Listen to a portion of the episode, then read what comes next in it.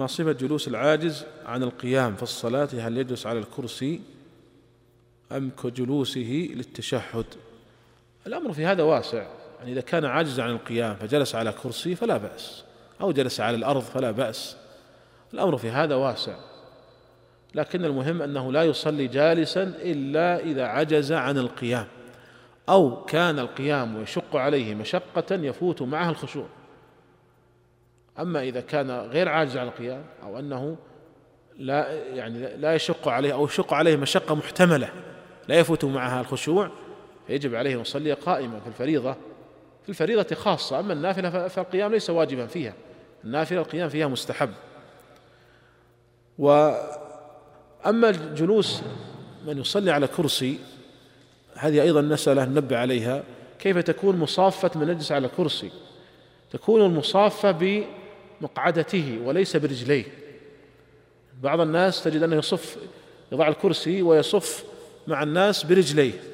إذا صف برجليه ستجد أنه متأخر عن الصف ولذلك لو ألقيت نظرة على الصف من الخلف ستجد أن هذا متأخرا عنهم. ولهذا فالمصافة تكون مقعدته وليس برجليه. من قدر على القيام وعجز عن الركوع والسجود هل يجلس ويومئ برأسه؟ نعم.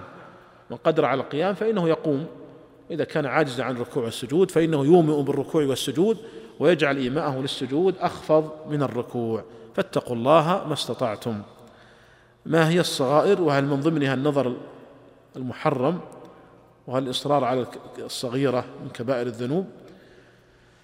آه، الصغائر هي الذنوب التي عدا الكبائر. وهذا يقودنا إلى معرفة ضابط الكبيرة. ما هو ضابط الكبيرة؟ ضابط الكبيرة هي كل معصية فيها حد في الدنيا أو وعيد في الآخرة من لعنة أو غضب أو سخط أو نار أو نفي إيمان. هذا هو تعريف الكبيرة كل معصية فيها حد في الدنيا يعني جميع المعاصي فيها حدود من الكبائر الزنا من الكبائر شرب الخمر من الكبائر القذف من الكبائر. أو فيها وعيد بلعنة.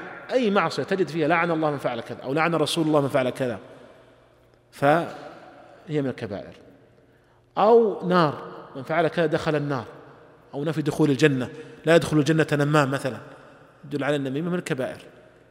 أو نفي إيمان لا يؤمن آه، لا, لا, لا يؤمن من لا يأمن جاره بوائقه.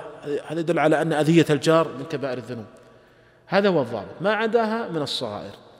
النظر المحرم هو الأصل أنه من الصغائر لكن الإصرار على الصغيرة عند بعض أهل العلم أنه يحولها إلى كبيرة. يحولها إلى كبيرة. وهذا قال به بعض أهل العلم ولا أعلم له دليلا ظاهرا لكنه مشهور عند يعني عند بعض أهل العلم. و والله تعالى يقول إن تجتنبوا كبائر ما تنهون عنه نكفر عنكم سيئاتكم يعني نكفر عنكم الصغائر هل تجب صلاة الجماعة على المسافر المقيم في البلد؟ المسافر لا تجب عليه الجماعة إنما تجب على المقيم. أما إذا كان ضاربا في الأرض يعني سائرا في الطريق هذا لا تجب عليه الجماعة بالاتفاق. أما إذا قام في بلد وهو يسمع النداء فمحل خلاف بين العلماء هل تجب عليه أو لا تجب. ولا شك أن الأحوط أن يصلي مع الجماعة في المسجد. لكن لا أعلم دليلا ظاهرا يدل على إيجابها عليه وهو مسافر. فالأمر فيه سعة إن شاء الله لكن الأحوط هو أن يصلي مع الجماعة في المسجد. إذا كان مسافرا. أما المقيم فكما ذكرنا المقيم الأدلة ظاهرة في إيجاب الجماعة عليه. وهذا هل يجوز أن يصلي الوتر إحدى عشرة ركعة بسلام واحد؟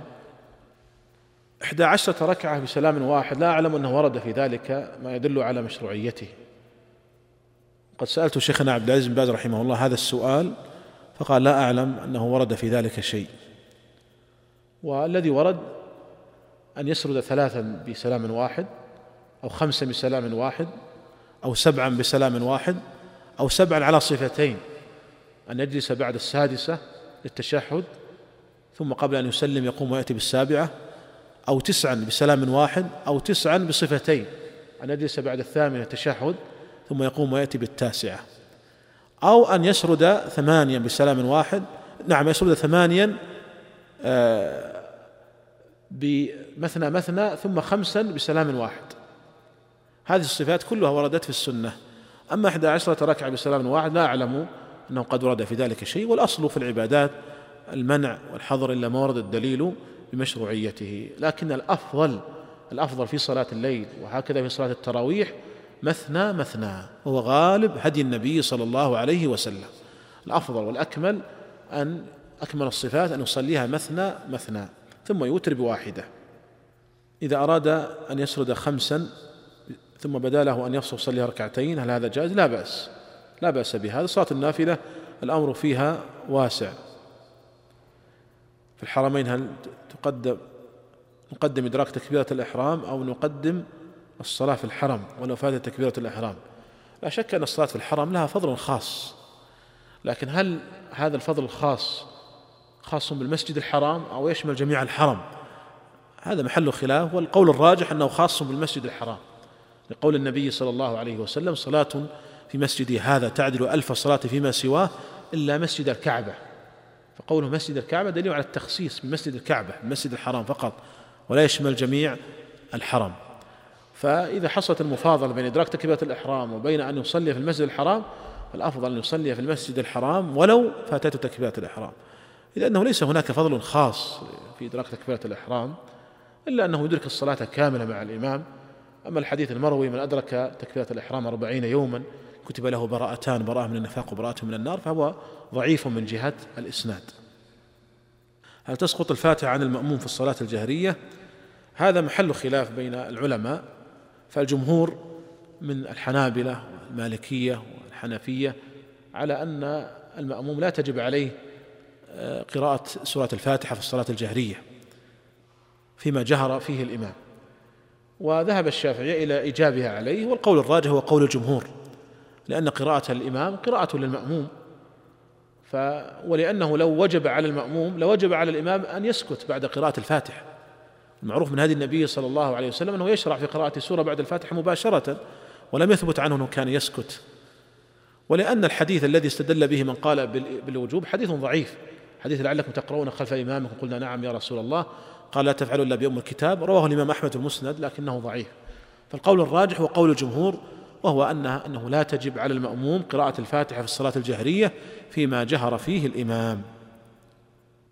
إذا كان الإمام لا يخشع في صلاته ويفوت على المصلين الخشوع عليه هل عليه إثم. أما إذا كان مقصود السائل الطمأنينة الطمأنينة ركن من أركان الصلاة. أما الخشوع يعني حضور القلب فهذا مستحب وليس واجبا. يعني لو أتى الإنسان بالصلاة بجميع أركانها وشروطها وواجباتها لكنه لم يخشع في صلاته فصلاته صحيحة مبرئة للذمة ولا يؤمر بإعادتها بل لا يشرع إعادتها. لكن ليس له من الأجر إلا بمقدار ما عقل منها. إن عقلها كاملة كان له الأجر كامل عقل النصف له أجر النصف. عقل الربع له أجر الربع عقل العشر له أجر العشر. لم يعقل منها شيئا. من حين أن كبر إلى أن سلم وهو في هواجيس ووساوس فليس له من أجر شيء لكن تبرأ ذمته بهذه الصلاة.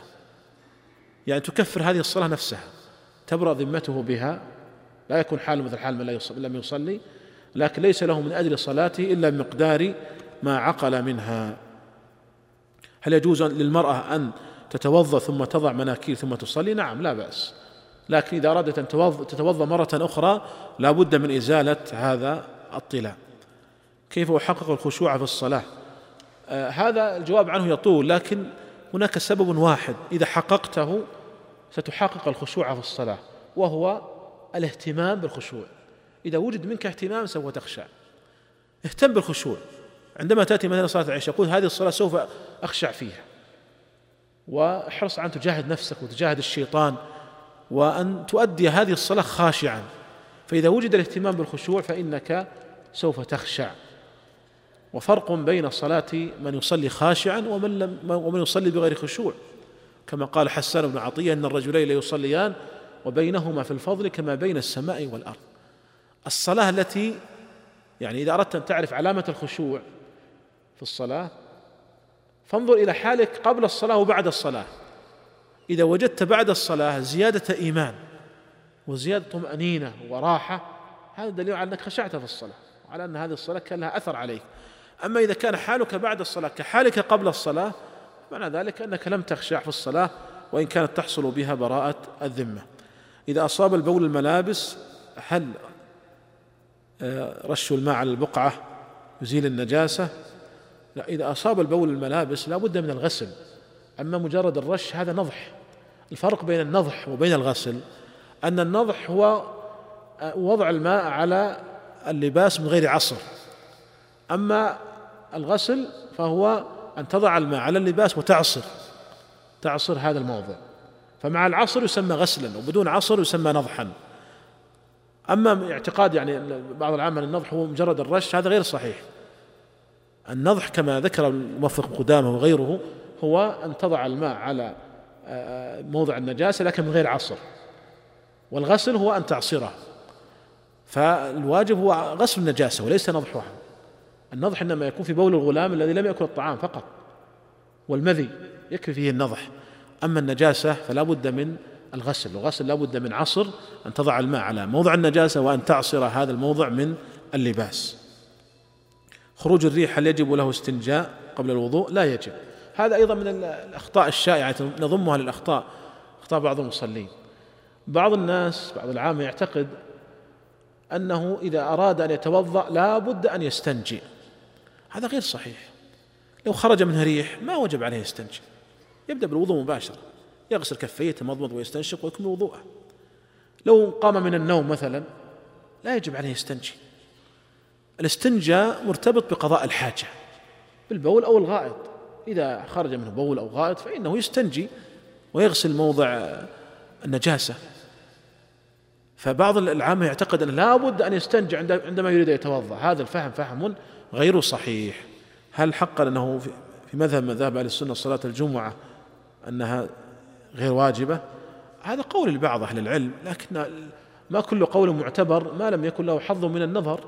كثير من مسائل الفقه تجد أن فيها خلافا بين أهل العلم والعبرة هو بالدليل. قال الله تعالى آه، فإن تنازعتم في شيء فردوه إلى الله والرسول. فإذا رددنا هذه المسألة إلى كتاب الله وسنة رسوله صلى الله عليه وسلم ندل نجد أن الأدلة تدل على وجوب أداء الصلاة مع الجماعة في المسجد على الرجال. ولذلك أوجبها الله تعالى حتى في المعركة في حال الحرب. أوجب الله تعالى الجماعة. وإذا كنت فيهم فأقمت لهم الصلاة فلتقم طائفة منهم معك وكما ذكرنا في قصة الرجل الأعمى وكما قال ابن مسعود ولقد رأيتنا وما يتخلف عنها إلا منافق معلوم النفاق. هذا يدل على أن التخلف عن صلاة الجماعة أنها من علامات المنافقين. فإذا العبرة بالدليل حتى لو قال بعض أهل العلم بعدم وجوبها لكنه قول ضعيف. ويعني حكم من تهاون في أداء صلاة الجماعة؟ حكم أنه يأثم يأثم بذلك. لكن لكن ليست حاله كحال من ترك الصلاة أو من يؤخر الصلاة عن وقتها. فإن هذا يدخل في الساهين الذين ذكرهم الله تعالى في قول فويل المصلين الذين هم عن صلاتهم ساهون إذا أراد الخروج من المسجد بعد الأذان والصلاة في مسجد آخر هل يصدق عليه حديث وقد عصى بالقاسم لا يصدق عليه. حديث أبي هريرة في صحيح مسلم أن أبا هريرة رضي الله عنه أبصر رجلا خرج من المسجد بعدما أذن للصلاة. فقال أبو هريرة أما هذا فقد عصى أبا القاسم صلى الله عليه وسلم. لكن هذا خرج وفاتته الجماعه يعني لم يصلي مع الجماعة. أما من خرج من مسجد ليصلي في مسجد آخر فلا بأس. أو إمام أو مؤذن مثلا يريد أن يصلي في مسجده لا بأس. فالوعيد إنما هو خاص في حق من خرج من المسجد بعد الأذان وفاتته الصلاة مع الجماعة. أما من خرج بعد الأذان ويريد أن يصلي في مسجد آخر فلا يشمله الوعيد أو النهي المذكور في هذا الحديث. طيب آه، ما أدري بقي بعض الأسئلة لكن الوقت ضاق فلعل أن نكتفي بهذا القدر ونعتذر الإخوة الذين آه، لم يتسع الوقت الإجابة عن أسئلتهم.